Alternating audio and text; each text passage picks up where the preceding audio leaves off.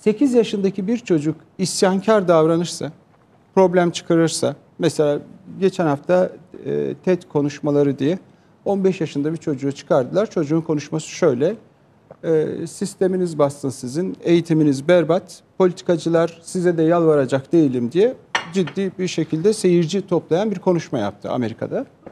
Şimdi bu konuşmayı mesela 8 yaşındaki bir çocuk yaparsa bu bir problemdir. 8 yaşındaki bir çocuk korkak, ürkek, karanlıktan korkan, odada tek başına duramayan bir çocuktur. Eğer 8 yaşında bir çocuk yaparsa bu konuşmayı o zaman benlik gelişmesinde sorunlar olacak demektir. Ama bir ergen yaparsa çok kıymetlidir. Çünkü ergenin artık sistemle çok son hesaplaşması bu. Yani 15-17 yaşındaki bir çocuk böyle bir konuşma yapıyorsa iyi bir şeydir. Yani bu, buna dokunmayız. O isyankarlığıyla yüzleşecek, sınırlarını görecek. Hani son çırpınışı artık bizim ona uyguladığımız zulümden kurtulmak için kurtulamayacaklar. Bizim elimizden hiçbir şey kurtulmaz. Ama en azından yetişkinliğe geçişi hazır algısı yaratacak. yani işte artık ona yetişkinlik mi deriz, bastırılmak mı deriz bilmiyoruz. Ya da ne bileyim bir çocuk annesine çok bağlıysa, bağımlıysa bu erken çocukluk dönemindeyse, ilk 6 yaştaysa kıymetli bir şeydir, iyi bir şeydir. Ama bunu bir ergen yapıyorsa ciddi bir problem vardır. Üstünde düşünmemiz gerekiyor. Yani çocuk diyoruz ama bu çocuğun çocuk sürekli gelişen ve çok hızlı büyüyen, neredeyse gün gün değişen ve o gün gün değişen duruma göre ebeveynin, öğretmenin, doktorun pozisyon alması gereken bir şey. Yani hap önerilerle yapılabilecek hiçbir şey yok. Ne kadar karmaşık ve zor bir şeyle uğraşıyoruz. Freud'dan esinlenerek söylersek dünyada üç tane olanaksız meslek var diyor.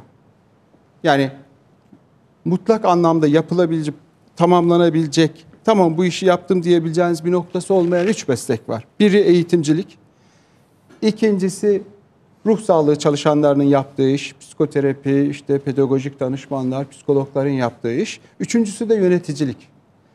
Bu üç mesleğin olanaksız diye sınıflanmasının nedeni aslında öyle laf olsun diye magazin dergilerine başlık vermek için söylenmiş bah değil. Hakikaten imkansız, olanaksız işler bunlar. Tam layıkıyla yapan biri de çıkmaz bu iş. Neden? Tuvalet eğitimi zaten adı üstünde çocuğun e, en şiddetli olarak dış dünyanın zulmüyle karşılaştığı yer. Yani sen içinden gelen bir şeyi dışarıdan gelen bir şeyle, etkiyle ona uymak zorunda kalacaksın. Yani aslında soru şudur. Ben ne zaman istersem ve nasıl istersem oraya yapacaksın diyen bir dış güçle ben ne zaman istersem ve oraya yapacağım diyen bir iç gücün çatışmasıdır. Şimdi yöneticiliği, eğitimciliği ve terapistliği zor yapan da burasıdır. Çünkü burada çocuğun kendisini oluşturmasını, özgürleşmesini, kendisini bulmasını istiyoruz ya. Bu şefkatli birini ister. Şefkatli olmanız gerekir. Konuşmasına izin vermeniz gerekir. Bir insan konuşunca içindeki o dürtüleri anlatabilir. Konuşma neden çok önemli? Çünkü dürtünün yerine, arzunun yerine sözcüğü koyacak, onunla takas etmiş olacak. Konuşmasını sağlamanız gerekiyor. Ama ben ne zaman istersem oraya yapacaksınız çok sert söyleyen bir anne ya da baba konuşmayı engellemiş oluyor. Yani elimizde yaratıcı, özgürleşmiş, benliğini, benlik saygısı tamamlanmış bir çocuk değil, bir tane kabuk kalıyor. Ötekilerin peşinden koşan, hani ötekilerin ne istiyorsa onu yapan birine dönüşecek. Şimdi yasayla yani bir e, eğitici ve otoriter yanınız olacak. Dışarıdan baskı yapıyorsunuz. Hem de bunun tam tersi bir rolünüz var. Paradoks var burada. Mesela bizim dördümüzün yaptığı iş neden zor? Biz dördümüz şu anda konuşurken anlattıklarımız çok önemli değil aslında. Birbirimizle nasıl ilişki kuruyoruz? Kim kimin sözünü kesiyor? Kim kimiyle lafı ters düşürdüğünde nasıl bundan çıkacak? Çünkü bizim hepimizin işi çocuklarla, erişkinlerle yani bir rol model olma durumu da var. Yani dediğinle yaptığın birbirini tutmuyorsa şimdi anne babalığı burada eğitimcilerle aynı yere koyabiliriz. Anne babaların zulmü burada. Yani bir taraftan çocuğu özgürleştirecek şey ortaya sunmanız gerekiyor. E, şefkat, onun konuşmasına izin vermeniz gerekiyor. Fazla siz konuşmamanız gerekiyor, onu konuşturmanız gerekiyor. Ama o zaman da çocuk dürtülerinin hakimiyetine girer. Yani meme emen çocuğu tamamen onun arzu ve isteklerine bırakırsanız sonsuza kadar meme emmek ister. Sonsuza kadar kakasını oraya buraya yapar. Büyüyünce de işte alıp elini oraya buraya sıvayan tipler vardır ya. Rahatsız ederler biz onları. Şımarık çocuk ya da ihmal edilmiş çocuk. Yani bir tarafını bırakınca bu oluyor. E çok üstüne gittiğinizde de e, çok fazla kendinden emin olmayan, yaratıcı olmayan ancak biri ona şunu yap dediğinde yapan birine dönüşecek. O zaman yöneticinin, öğretmenin, terapistin ve şimdi anne babayı da buna katabiliriz. Anne babanın özellikleri ne olmalı? Yani biz ergeni sordunuz siz. İster ergen olsun, ister gizil dönemdeki çocuk olsun. Tabii ki bu dönemin özelliklerini konuşacağız genişçe, bilmemiz gerekiyor. Ee, ama buradaki bu rolü nasıl yapacağız? Buradaki rolü yapmanın zorluğu şurada. Birinci özelliği, yani ben kendim karikatürize edeyim. Üç özelliğinin olması gerekiyor. Bu saydığım üç meslek grubunun anne babayı da eklersek dört pozisyonun. Bir, helva gibi olmanız gerekiyor. Yani konuşturmak için pamuk gibi olacaksınız yani. Helva bir canı çeken olur. Bir de ev helvası değil artık sert yapıyorlar marketler o helva biraz Hangi sert. helva olduğu Helva- önemli. Helva gibi olması lazım. Bu dört grubunda. Konuşturmak için sizin susmanız, beklemeniz gerekiyor ki o arzu ve dürtülerinin yerine dışarıdan tokatı yemeden, engellenmeden konuşabilsin. İkinci özelliğinin bu üç grubun aptal olması gerekiyor. Psikiyatristlerin, terapistlerin, e, analitik pedagogların, e, öğretmenlerin, anne babanın aptal olmayı biraz açayım. Mesela biz şu anda konuşursak bu konuda ruh sağlığı konusunda, insan kişiliği konusunda herkesi susturabiliriz. Acayip bilgimiz var. Anne babanın da çocukla karşısındaki pozisyonu böyle. Çok bilen biri karşısındakini dikkate almaz, dinleyemezsiniz. Ben senin ne mal olduğunu biliyorum duygusuyla konuşursunuz. Bunu bastırmanız gerekiyor. Karşı tarafta buradan fırsat bulup kendisini anlatabilmesi gerekiyor. Yani biraz salak olmamız gerekiyor bu pozisyondaki kişilerin. Yöneticilerin salak olması gerekiyor. Psikiyatrisi salak olursanız o kendisini ortaya koyacak. Şimdi üçüncü özelliği ise otoriterlik. Şimdi otoriterlik de şuradan önemli. Tamamen bırakırsan kakasını ortaya yapıyor. Şimdi otoriterlikle aptallık ve pamukluk pek uymuyor dikkat ederseniz. Bu dengeyi iyi tutturmak gerekiyor. Otoriterlik konusunda çok konuşmuyorum. Doğası gereği hepimizde ötekini kontrol etmek ve otoriter olmaya doğru bir eğilim var. Öğretmen de olsanız, ana baba da olsanız, terapist de olsanız, yönetici de olsanız doğallıkla otoriteye kayarsınız. Hastanız, öğrenciniz, çocuğunuz sizin istediğiniz gibi düşünmediğinde biraz sonra akıl vermeye başlarsınız. Onu dinlemek zordur. Yani terapi eğitiminde mesela biz hep şuna dikkat ederiz. Hiç bu ilk saydığım ilk özelliğe değil. Biri, bu üçüncü özelliği törpülemeye, bunu yapamayan biri istediği kadar eğitim alsın. Bir alta yaramaz. Çünkü karşı taraf konuşamayınca o dörtüleri ortaya koyamayacaktır. Ben e, toparlayayım burada. Dolayısıyla bu üç özelliği yani bir arada tutacaksınız. Buna bir tane daha ekleyeceğiz. En zoru da bu. Şimdi mesela biz biliyoruz ki çocuklara çok fazla otoriter davranırsak köşeye sinerler. Bunu hepimiz biliyoruz. Ana babalar da biliyor. Yani bunu psikiyatristlerin, psikologların, pedagogların gelip anlatması saçma aslında. Hepimiz her şeyi biliyoruz aslında.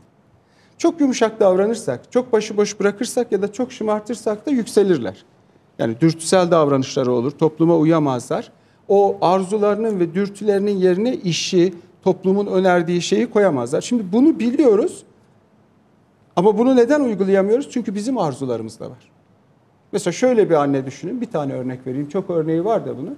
Çocuk ne bileyim bir oyuncak yapıyor, bir hikaye yazıyor, bir resim yapıyor. Getiriyor, bu da ilgili, seviyor. Annesi zaten onu ona e, iyi yetiştirmek için uğraşıyor. Alıyor, böyle bacam olur diyor, salak. Böyle kapı olmaz, alıp kendisi çiziyor. Çocuğuyla rekabete giriyor. Bunu fark edemez.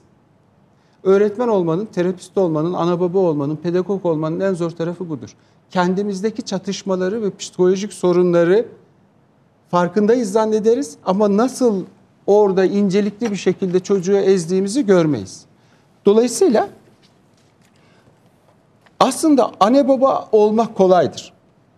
Psikiyatrist olmak gibidir ana baba olmak. Hele Türkiye'de psikiyatrist olmak çok kolay mesela. Masa başında geçirilen süreyi ölçer sınavlar. Zekayı, beceriyi ölçmez. Yani her çocuk 6 ay boyunca 8 saat masa başında çalışırsa istediği yeri kazanır. ODTÜ'ye de girer, Cerrahpaşa'ya da girer. Psikiyatrist olmak kolay. Yapmak zordur. Ana baba olmak kolay. Ana baba olarak hayata devam etmek zordur. Bu anlamda ister ergen olsun, ister gizil dönemde olsun, ister bebek olsun biz hep kendimizle ilgilenmek zorundayız. Freud'a gene atıf yapayım. Bir psikiyatristin en önemli ve en zor hastası kendisidir diyor. Bazı insanlar e, yetersizlik duygusuyla sakatlanmıştır ve bu öyle çok da az değildir. Çoğunluktadır bu. E, yetersizlik duygunuz olduğunda bununla başa çıkabilmek için ya karşı tarafı ezersiniz ya da kendinizi yüceltirsiniz. İki seçenekte de sonuç şudur, ben iyiyimdir. Yani beni seveceğiz demektir. Şimdi bu ister çocuğunuz olsun, ister öğrenciniz olsun, ister hastanız olsun değişmez. Çünkü bu bilinç dışıdır. Eğitim de bunu düzeltmez. Hatta daha da ağırlaştırır. Çünkü bende mesela bu kadar bilgi varken bir de böyle bir bilinç dışı özelliğim varsa nasıl kanırtırım, nasıl bükerim insanları düşünsenize. Eğitimin zulmü arttırıyor yani. Kötülüğü daha da kötü hale getiriyor. Bu kişi o zaman ne yapacak? Dışarıya atacak. Şimdi mesela genetik e, arkadaşlar çok güzel ifade etti. Evet genetik, biyoloji önemli. Ama genetik ve biyolojiye bağlı bir çocuğun geriliği filan istatistik e, bu konunun buraya geleceği aklıma gelmemişti ama binde bir civarında. Yani genetik ve biyolojik bozukluğa bağlı bir çocuğun sorun yaşaması şu ya da bu hasta hepsinin kümülatif toplamını söylüyorum. Önemsiz bir şeyden bahsediyoruz. Genetik, biyoloji ve ilişkiyi nasıl karşılaştırabiliriz? Belki bilgisayar üzerinden düşünülebilir bunu ve kötü bir metafor olsa da onu kullanalım. Donanımla yazılım gibidir. Yani çocuk donanımla doğuyor, yazılım yoksa ne olur? Hiçbir şey olmaz, hayvan olur. Yani ilişki yoksa hayvan oluyor. Biyoloji filan doğası gereği genetik öyle öyle şeyler olmuyor yani. Bu yetersizlik duygusu olan şeyin kendi sorumluluğunu dışarıdakine atmasıdır. Genetiği böyle, doğuştan böyle, bunun dayısı da böyleydi zaten filan gibi yerlere götürüyor. Bunu mesela öğretmenler nasıl yapar? Sizin çocuk uyumsuz, bunda dikkat eksikliği var filan. İşte şu hastalığı var, e, sizin işiniz ne? Bu, bu yüzden getiriyoruz. Biz çocukları okula bilgi alsınlar diye göndermiyoruz ki. Bazı okullar bunu yanlış anlıyor. Ya bir kere internetteki çok basit, sıradan bir bilgisayar internete bağlıysa orada şu anda Türkiye'deki en iyi okuldan daha fazla, daha iyi bilgiler var. Biz çocuğu okula diğerleriyle karşılaşsın, kendi sınırlılıklarını görsün, uyum kazansın diye gönderiyoruz. İşiniz bu zaten. Dikkat ederseniz öğretmenler de bunu anne baba nasıl genetiğe, biyolojiye atıyorsa öğretmenler de bunu çocuğa atıyor. Terapistler farklı mı davranıyor? Hayır.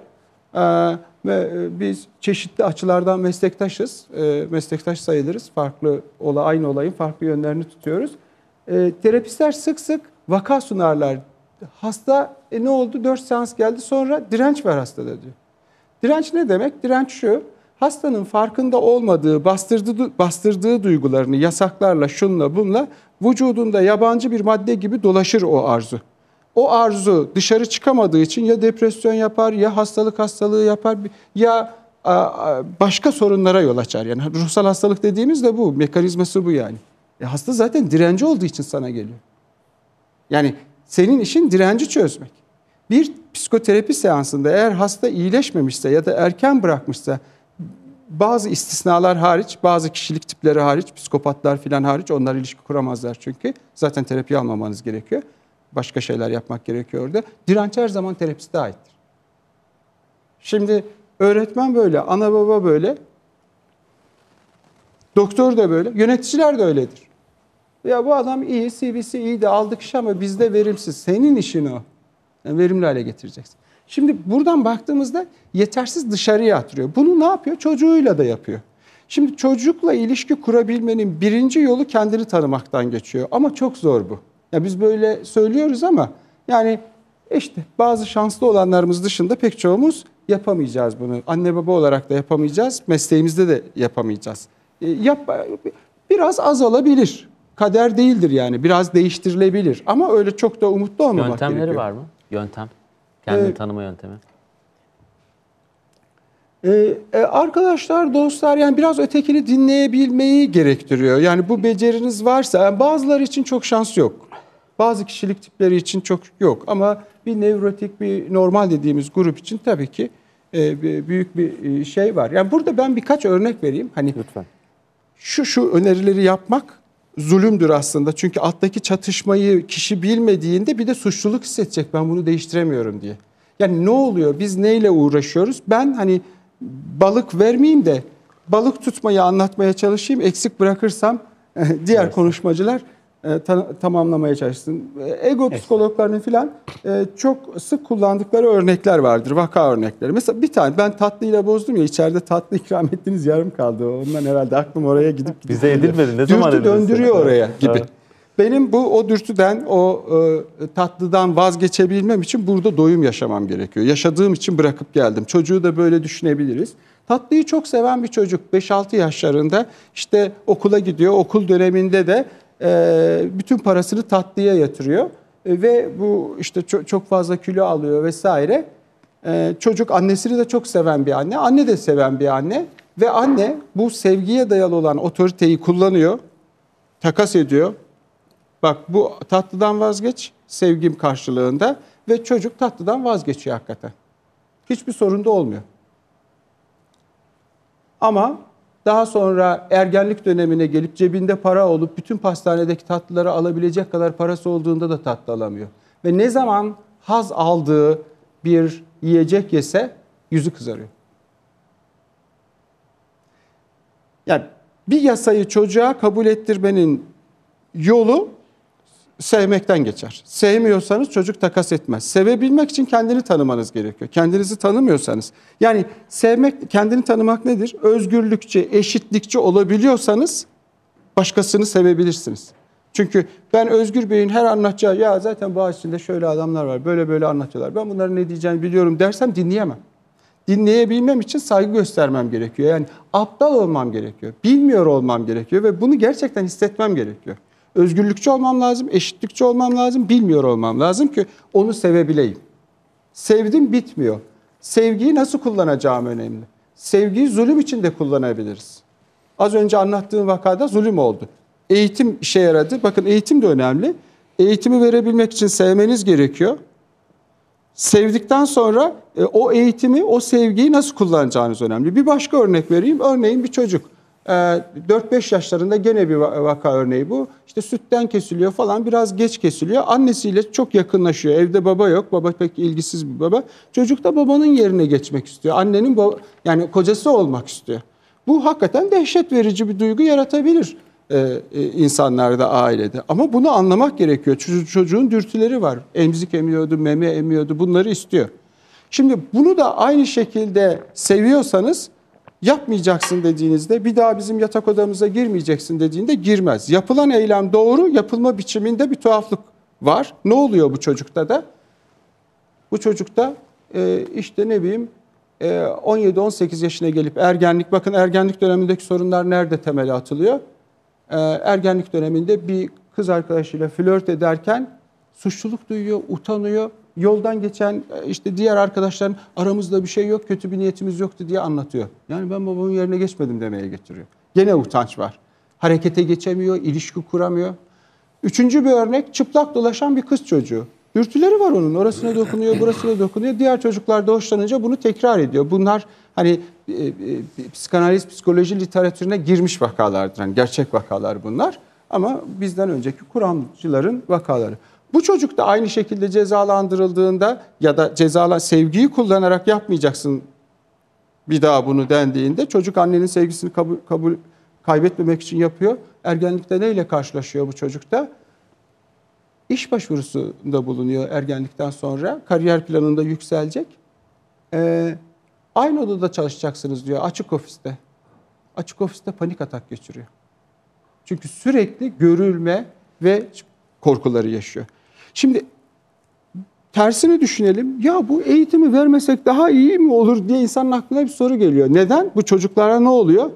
Eğer toplumla uyumlu olsalar bile hayattan zevk alamıyorlar, cinsellikten zevk alamıyorlar, isteklerini, e, düşündüklerini başlatamıyorlar. Yani berbat bir hayatları oluyor bir anlamda. Zevksiz, tatsız, tuzsuz. Şimdi bu da doğru değil. Bu önlemlerin alınması gerekiyor. Neyi nasıl anlattığınız önemli. Evet, tersi bir durum. başıboş bıraktık. Az önce konuştuğumuz örnekleri düşündüğümüzde yani tamamen önünü bıraktığımızda da işte bundan lider olacak, özgürlüklü olacak, bak öğretmenle kafa tuttu falan. Yok öyle şeyler olmuyor. O ne olur? Hiçbir işe yaramaz. Yani bir işe giremez, bir ilişkiyi sürdüremez. O da dağıtır. Yani buradan kıstığınızda öbür taraftan kaybediyorsunuz. Öbür taraf. Ne kadar ince bir dengede yürüyoruz. O zaman ne yapmak gerekiyor? Konuşmak gerekiyor. Çünkü neden konuşmak gerekiyor? Çocuk konuş dürtülerinin, arzularının yerine, agresyonunun, cinselliğinin yerine sözcüğü koyacak. Bir de onu dinleyen lazım. Sevmeniz gerekiyor. Sonra da bu sevgiyi kötüye kullanmamanız gerekiyor. Yavaş hareket etmeniz gerekiyor ve kendinizle ilgili de korkularınızın olmaması gerekiyor. Örnek verelim. Örneğin kendisiyle ilgili korkuları olan anne babalar ne yaparlar? Seviyorlarsa da çocuklarını verirler sürekli. Oyuncak alırlar, nesnel çözümler üretirler, öznel değil. İşte şu sorun var, şunu yapacaksın derler. Neden? Çünkü çocuklarıyla oynayamazlar. Oyun oynarken bile çocuğu gerçeğe çekerler. Dünya haritasını koy üzerinde işte uzay aracıyla oynuyorlar. O anne dayanamaz olan. Çünkü kendi fantazisinde korkuları var, geçmiş travmaları var. Oraya dönmemek için Konya'da uzay aracı mı olur oraya koyma der. Nasıl koy? Yani gerçeğe çekmeye çalışıyor onu. Dayanamaz, dağılır. Dikkat ederseniz o zaman bu çocuk nasıl olacak? Bu çocuk yeni hayattan zevk almayan, sürekli yasalar, kurallar çerçevesinde e, yaşamaya çalışacaktır. Dikkat ederseniz buradaki temel sorun bizimle ilgili. Çocukla ilgili tabii ki çocukta sorunlara yol açıyoruz. Aktarım dediğimiz bir şey vardır. Aktarım nedir? Bizim geçmişte yaşadığımız travmalar, hikayeler, bizim bir ana babamız var. Onlarla girdiğimiz ilişkilerde zihnimizde dış dünyayı şekillendirdiğimiz şeyi şimdiki ilişkilerimize aktarırız. Ben bir örnek vereyim onunla kapatayım. Hani bu ne anlama geliyor insanın kendisini tanıması. Ee, bu da e, gene psikoloji tarihinden bir vaka örneği. Bir öğretmen işte hayatındaki bazı sorunlar oluyor filan. Başarılı bir öğretmen boşanıyor filan işsiz kalıyor.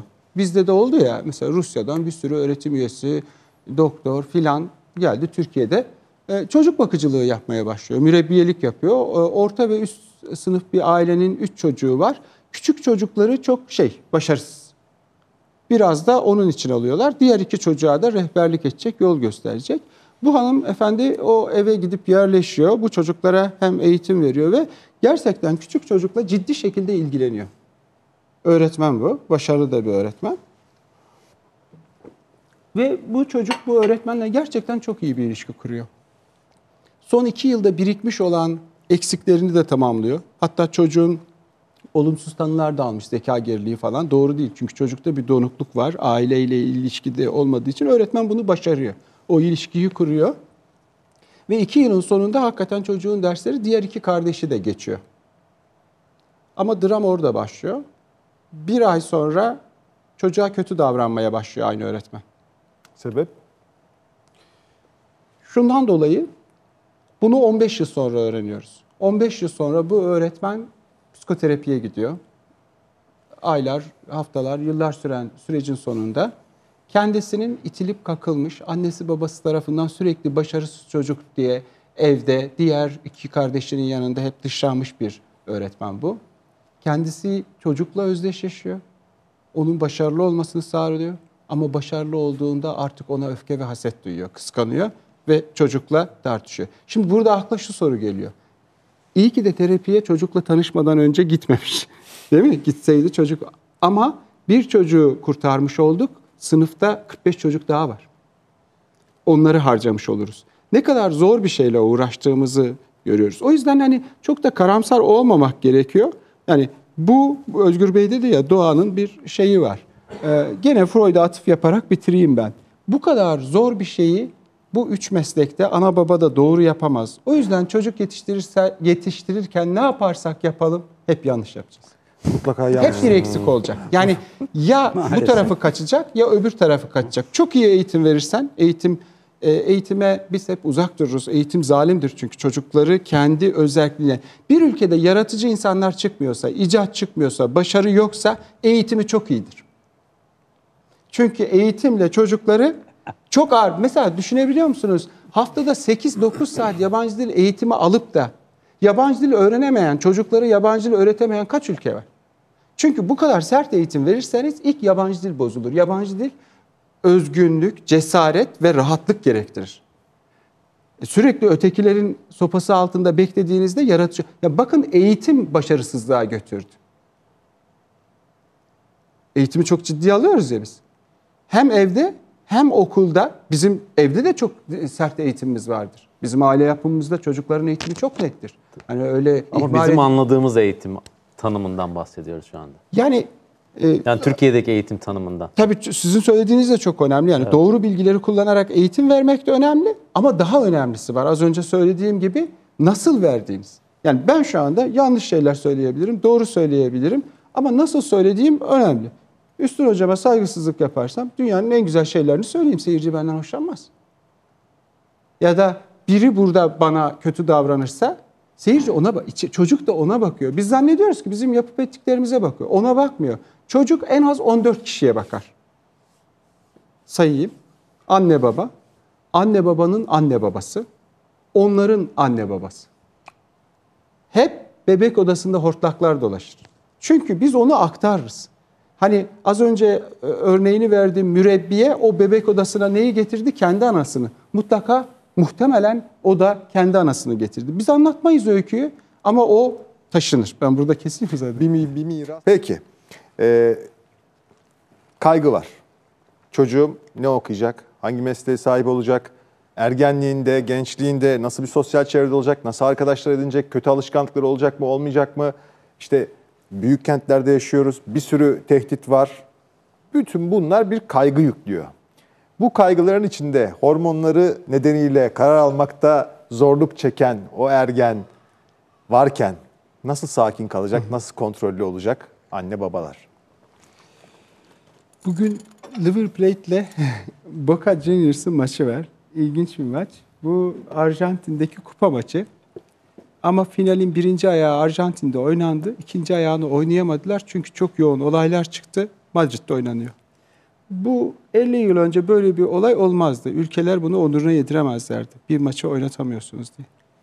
Yaklaşık bir haftadır da Fransa'da öğrenciler arkadan kelepçeyle gözaltına alınıyor. Onlar da devletlerine isyan ediyorlar filan. Bunun dışında pek çok örneği var bunun. Hani buna benzer e, başka toplumsal siyasal olayları da söyleyebiliriz. Şimdi benim kuşağımla yani mes- mesela biz babaların zalim olduğu zaman da oğul olduk. Oğulların zalim olduğu zamanda da baba olduk. Güzel. Aynen. Kim daha talihsiz? Ben bunu biraz tartışmaya çalışacağım ve söylediğiniz o, o sorulara da cevap vermeye çalışacağım. Lütfen. Şimdi bizde neydi? Bizim o hormonal ya da ilişkisel olan, dürtüsel olan ergenlik hiç değişmedi yani. 3000 yıl önce de böyleydi. Nesneleri değişti. Hareket biçimi değişmedi aslında. Yöneldiği şeyler değişti. Neyi arıyor ergen? Bu devinimi, bu tepinime içinde aynılık ve süreklilik aynı arıyor. Yani Özgür Bey'le karşılaştığında da aynı davranacak. Sakin, hırçın. Benimle davrandığında da, onunla davrandığında da. Yani ilişkilerde süreklilik ve aynılıktan bahsediyorum. Ergen bunu tutturmak için uğraşıyor. Ama bunu da ne için yapıyor? Zarar ediyor aslında bu işten. Yani anlık hazlar varken o hazlarla vazgeçmesi gerekiyor. Niçin vazgeçsin? Yani insan, yani ergenler salak değil. İnsan zekası da öyle kolay kolay değişmiyor. Herkes en iyisini yapmaya, güzel yaşamaya çalışır. Buna 7 yaşındaki çocuklar da dahil. Mesela Fransızlar orgazma küçük ölüm diyorlar. Yani zevki ölümle birleştirirsek yani doymak anlamında kullanıyorlar ölümü.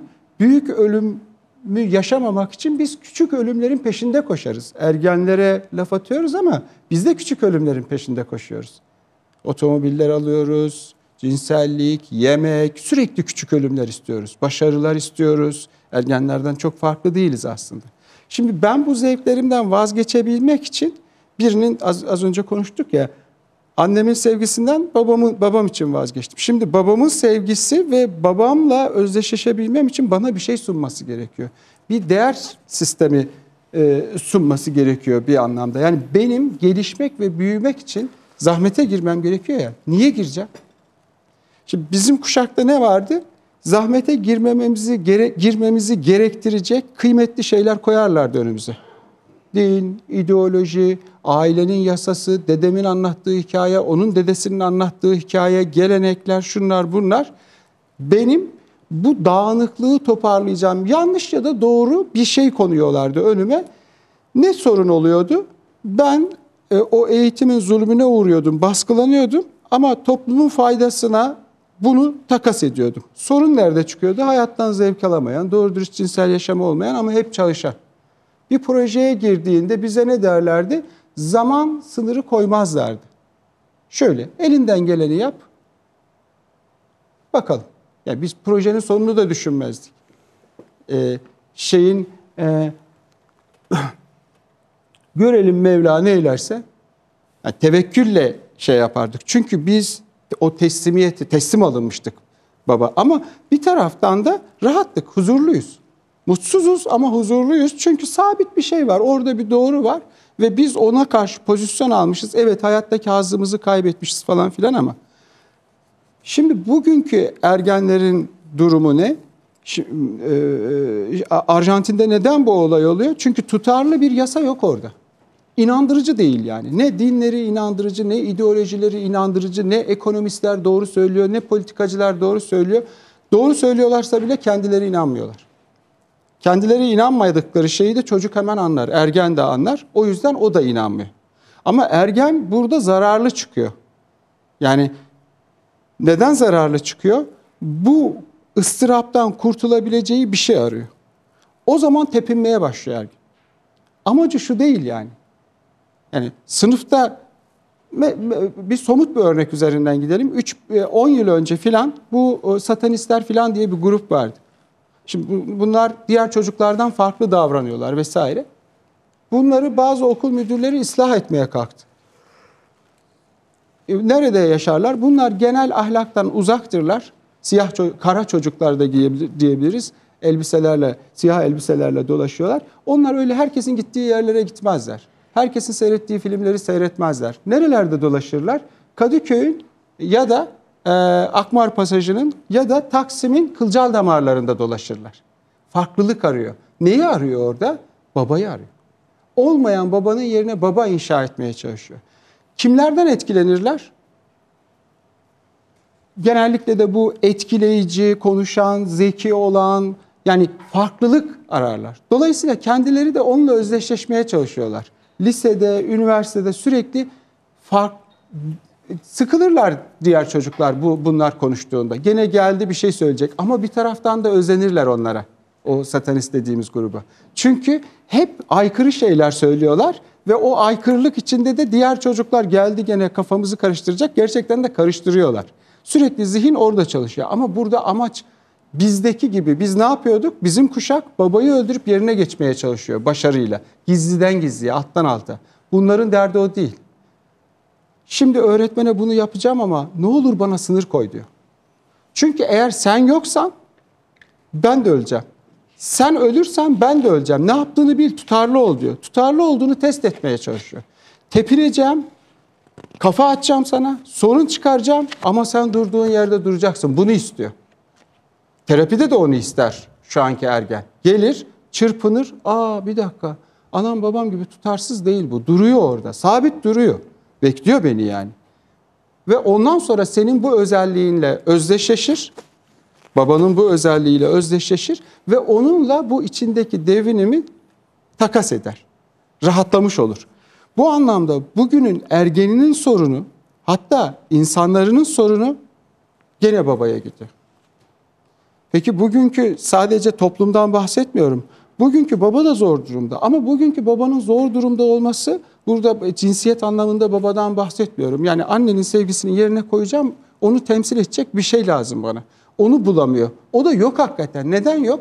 E işte ne bileyim kent yaşamı, kapitalizm bizi şöyle dağıttı falan filan. Biz artık her şeyi istiyoruz. Hız toplumu olduk falan. Bu çok küçük bir azınlık için geçerli. Bir, böyle işte E, biz e, işte doğaya gitmek istiyoruz. Orada yaşayacağız. Altınoluk'ta bir ev alacağız falan filan. Bu İstanbul'daki, Paris'teki, Londra'daki küçük bir azınlığın fantazisi. Zaten git- gittiklerinde de orada doğayla falan uğra- uğraşmayacaklar. Çiftçilere mandalin tarlasını alıp çiftçilere icara verecekler ya da işçi tutacaklar. Burada biriktirdikleri parayı kalan 20 yılda yiyecekler. Bunlardan bahsetmiyorum. 3 gün zaten doğada çalışmaya kalksalar terk edip tekrar İstanbul'a gelirler. Tatile gittiklerinde bile dayanamıyorlar. Yalova'da kavga etmeye başlıyorlar. Tabii ta- her tatil orta sınıf için kavgayla biter. Dayanamazsın o sessizliğe. Çünkü şu anda or- ortanın üstü sınıf bu küçük azınlık %10'luk grup her şeyi istiyor. Doğayı da istiyor, kenti de istiyor. Doğa ana diyor. Doğa ana değildi ki. Doğa babadır yani zalimdir. Çalışmazsan beş kuruş vermez. O yüzden hani bu hikaye, bu klişeyi geçelim. Asıl sorun 12 saat çalışan sınıfta. Bu kişi artık sistemle yarışamıyor, yetiştiremiyor parayı. Çünkü o kadar çok ürün çıktı ki. Yani çocuğuna telefon aldığında iki ay çalışması gerekiyor. 5 bin lira. Dört çocuğu var. Kendisi, karısı, karısı çalışıyor ya da çalışmıyor. Çocuklara kim bakacak o zaman? Şimdi dikkat ederseniz bugünün babası da darma duman olmuş durumda. Kendi derdine düşmüş durumda. Çocuğa ayıracak vakti de yok. Zaten e, birikimi de yok. Çünkü okuldan çıktığı günden beri çalışıyor. Ne hız toplumu ne şeyi. Yani eziliyoruz biz. Çünkü sürekli bize ürün satmaya çalışan birileri var. Şimdi bu durumda çocuk yapayalnız kalıyor yapayalnız kaldığı için de bu bir patolojiden falan değil. E, az önce söylediğim gibi kendi e, babasını inşa etmeye çalışıyor. Bununla iki tane e, bir e, şey e, çok e, konuşma şey olabilir, sıkıcı olabilir. E, bir film e, e, örneği vereyim. E, Van e, Sant, e, Fil filmin adı. Burada e, lise öğrencilerinin olduğu bir film seyrediyoruz. Çok sıradan gibi görünen bir film. İşte çocukları gösteriyor. Hepsinin ayrı ayrı şeyleri var. Ama filmde belli burada bir kötülük olacak ama kim yapacak bilemiyoruz. Bir katliam olacak ama hangi çocuk yapacak? Her çocuğun üstünde kamera dolaşıyor. İşte ne bileyim bir grup var, üçlü bir kız grup var. Üçlüye ihanet ettin diye birbiriyle kavga ediyorlar. Biri işte sarhoş babası var. Babası onu zorla okula götürmeye çalışıyor. O e, ikna ediyor babasını arabayla kendisi okula gidiyor. Sonra abisini arıyor babamı al diyor falan. Bir türlü anlayamıyoruz. Sonra hakikaten katliam oluyor. Katliamın büyük olmasını da hangi çocuk önlüyor? Bu e, sarhoşun oğlu önlüyor. Şimdi o filmde bize anlatmak istediği şey şu.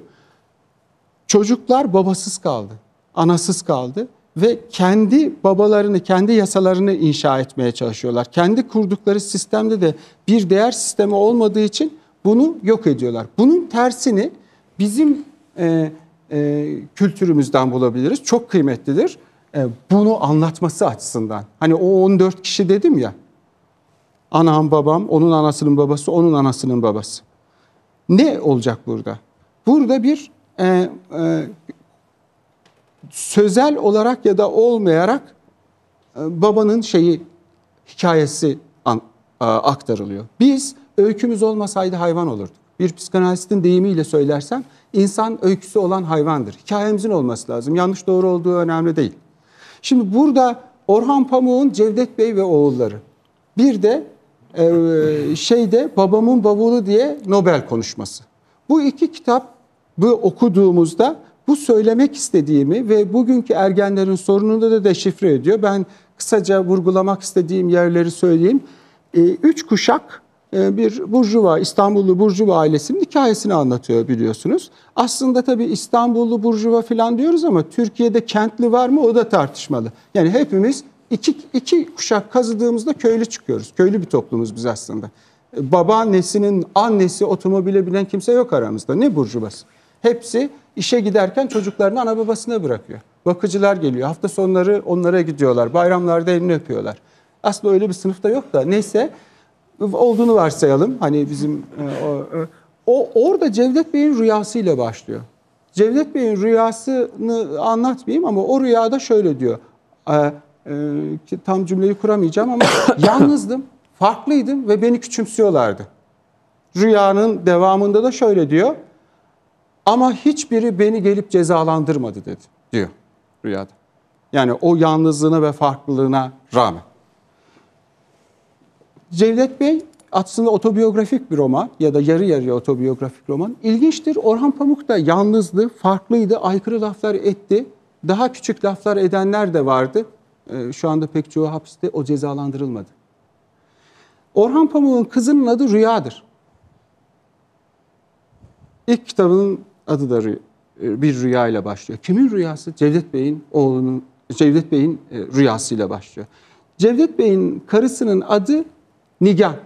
Nigan Hanım'ın oğlu var Refik. Refik'in oğlu Ahmet. Ahmet'le bir gün sohbet ederken Nigan Hanım torunuyla onu Refik zannediyor. Oğlu sanıyor yani. Karıştırıyor ve orada şöyle diyor. Bütün bu işte fabrikayı şunu bunu işi e, babam kurdu. Yani Cevdet'e gönderme yapıyor. Aslında torununa bu aileyi yeniden inşa etme görevini vermiş oluyor bir anlamda. Yani sembolik. Roman çok uzun da oraya çok girmeyeyim. Ee, onu vermiş oluyor. Ve roman nasıl bitiyor? Aa, Nigan Hanım'ın ölümü ve Ahmet'in şu sözüyle bitiyor. Benim kim olduğumu başkaları söyleyecek diyor. Hayatımızda başkalarının olması gerekiyor. Yani e, işte İstanbul'un filan semtinde villa alarak ya da oradan işte Bodrum'a taşınıp yalnız kalarak öyküyü aktaramıyoruz. Çünkü travmatik bir geçmişimiz var. Öyküyü aktaramadığımızda ergenlerin suçu değil bu. Onları iyileştiremeyiz. Hiçbir doktor yardım edemez buna. Çünkü oradaki benlik dağılır. Benliği toplayan yalan da olsa Şamanları ne bir arada tuttu? Kızılderilileri ne bir arada tuttu? Adamlar e, e, şey, güneşe tapıyorlardı. Öbürleri işte oturan boğa işte dün ben şunu yaptım bunu yaptım Tanrı bana kızdı buna inanıyor. O tutuyor toplumu. Yani toplumun bir hikayeye, bir mite, bir masala ihtiyacı var. Ya aileyi ve kültürü yeniden inşa etmemiz gerekiyor ya da e, dağılıp gideceğiz. Burada e, vakti çok aşmadıysam 3-4 cümle söylemek isterim narsizmle ilgili. Lütfen. Burada bu kadar parçalanmış baba yani kendi bütünlüğünü koruyamayan biz de zor durumdayız. Yani bizim de ısrarımız büyük. Neden büyük? Bizim de babamız dağıldı. Yani bir kötü babanın olması hiç babanın olmamasından kat be kat iyidir. Onu da kırmızı saçlı kadında anlatır Orhan Pamuk. Neyse oraya girmeyeyim. Burada bu kadar yetersiz olan babalar ve analar bizler ne yapıyoruz? Yetersizliği bastırmak isteriz. Çünkü benliğimizi koruyabilmek için yetersizliği birkaç şekilde bastırabiliriz. Aşağılarız çocuğu. Ergen de bunu bunun peşinde koşuyor. Sen beni e, değersizleştirirsen o zaman değersizleştiğinde çocuk öz, özdeşleşemiyor. Oradan bir isyankar lider falan da çıkmaz. Şey de çıkmaz. Hani öyle o tepinip durmasına bakmayın. Bütünlüklü oluşturamadığı için ikiye bölünür. İkiye bölünmek nedir? Az önce e, Özgür Bey ile Elif Hanım'ın konuştuğu gibi varlık yokluğa gider. Narsistik yapı gelişir. Bir tarafta yücelir, idealize eder kendisini. Bir tarafta değersizleştirir. İkisiyle de karşılaşabilirsiniz. Bir tarafta Instagram'da, Twitter'da binlerce takipçi toplamaya çalışır, görünür olmaya çalışır. Korkar, geri çekilir, isimsiz e, şeylerle orada bulunur. Varlıkla yokluk arasındadır narsizm. İkinci narsistik yapı oluşturma biçimi nedir? Kendini yüceltmek. Başarılı bir baba, başarılı bir anne çocukta şu duyguyu oluşturur. Aa ben bununla özdeşleşebilirim.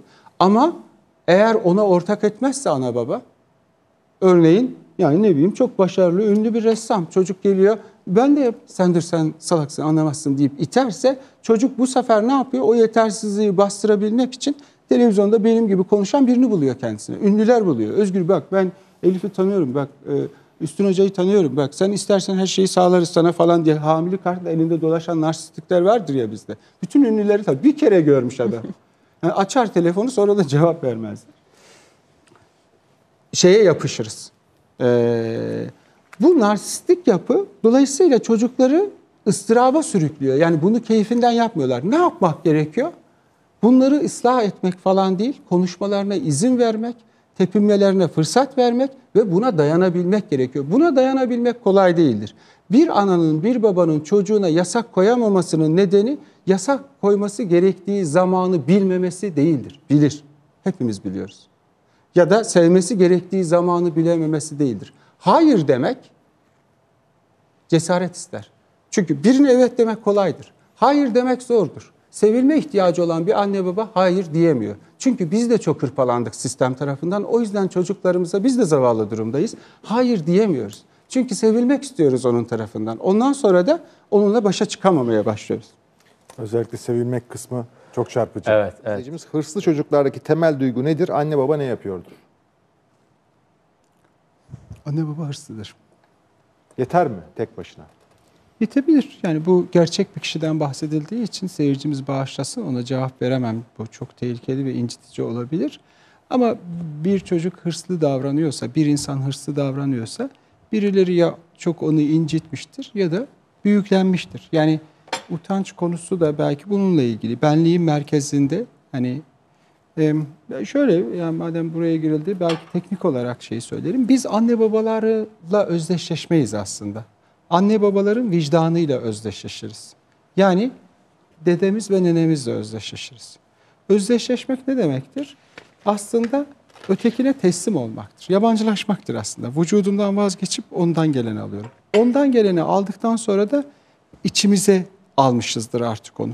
Yani dışarıdaki e, şeyi e, bize iyiyi, kötüyü söyleyen, yargılayanı içimize alıp onu artık kendimizin bir parçası haline getirmişizdir.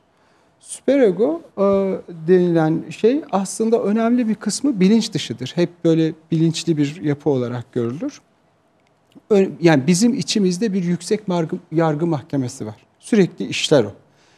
Benlikle, ben dediğim şeyle ben idare dediğim şey arasındaki mesafeye, ikisi arasındaki çatışmaya utanç olmasaydı biz insanlaşamazdık. İnsanlaşmanın bir gösterenidir. Bizi utanç kurtaracak bu anlamda. Çünkü bizim şu anda içinde bulunduğumuz dünyayı kastediyorum. Dünya utanmayı unuttu çünkü baba çok zayıf. Paramparça olmuş durumda. Utandırabileceği ne yasası var elinde ne de inandığı bir şey var. Baba değersiz olduğunda hani o aykırı gencin direnişi de o. Ya ölme, bana bir sınır koy ve tutarlı ol bunda. Dire Çünkü sen ölürsen ben de öleceğim. Kendini de öldürme, beni de öldürme dediği şey bu utançla bağlantılı. Ama utanç çok abartıldığında yani toplumu bir arada tutabilmek için tiranlık yaptığımızda mesela bir öğretmen nasıl olmalı? Babacan olmalı. Neden babacan olmalı? Çünkü babanın temsilidir o. Yasayı koyacak. Baba değil de babacan olmalı, şefkatli olmalı. Oradan gelen öfkeleri, e, başarıları kucaklayabilmeli. Özellikle başarıyı kucaklamak zordur. Olgun bir kişilik geliştirir. Başına kötü bir şey geleni, anası ölmüş, babası ölmüş, para kaybetmiş insana herkes acıyabilir. Gerçek dostlar sevindiğinizde sevincinizi paylaşabilenlerdir. Bu olgunluk gerektiriyor çünkü. Yani bunu yapabilen biri olmalıdır öğretmen. Utanç üzerinden düşündüğümüzde burada o tiranlık bu utancı arttırıyor. Hırslı e, şeyinden hareket ettiğimizde biz aslında başlangıçta haset bir varlıktık. Annesinin memesini ısıran, onun memesinin sütünün kurumasını isteyen, ölümü isteyen bir anlamda. Bende yok onda da olmasın diyor. Kendi emdiği sütün yok olmasını isteyen bir varlıktan bahsediyoruz. O daha sonra ev, haset ne? Yoklukta eşitlenmek. Daha sonra adalet diyeceğiz ona. Zaten bir toplumda adalet bozulduğunda da hasete döner toplum. Yani o adalet bizim onu yüceltmemizi e, sağlıyor. Hırs bu anlamda en tehlikeli şeydir. Şu anda çocukların hırslı olması sadece ebeveynlerinden kaynaklanmıyor. Biz de hırslıyız. Biz de artık hasetin tuzağına düştük. Çünkü sürekli mevcut ekonomik sistem diyor ki sen diyor yapıp ettiklerini belirleyebilirsin diyor. Sen seçtiklerinsin diyor. Sen kendini ortaya çık, kendini bulabilirsin.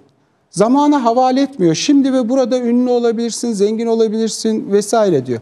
Eğer seçtiklerin seni olgunlaştırmıyorsa yani sen tam olamamışsan seninle ilgilidir diyor. Bütün kişisel gelişim endüstrisi buraya dayanır. Seçim üzerine dayanır. Sürekli seçime zorlar. Seçtiklerin seni olgunlaştıracak diyor. Ne diyor?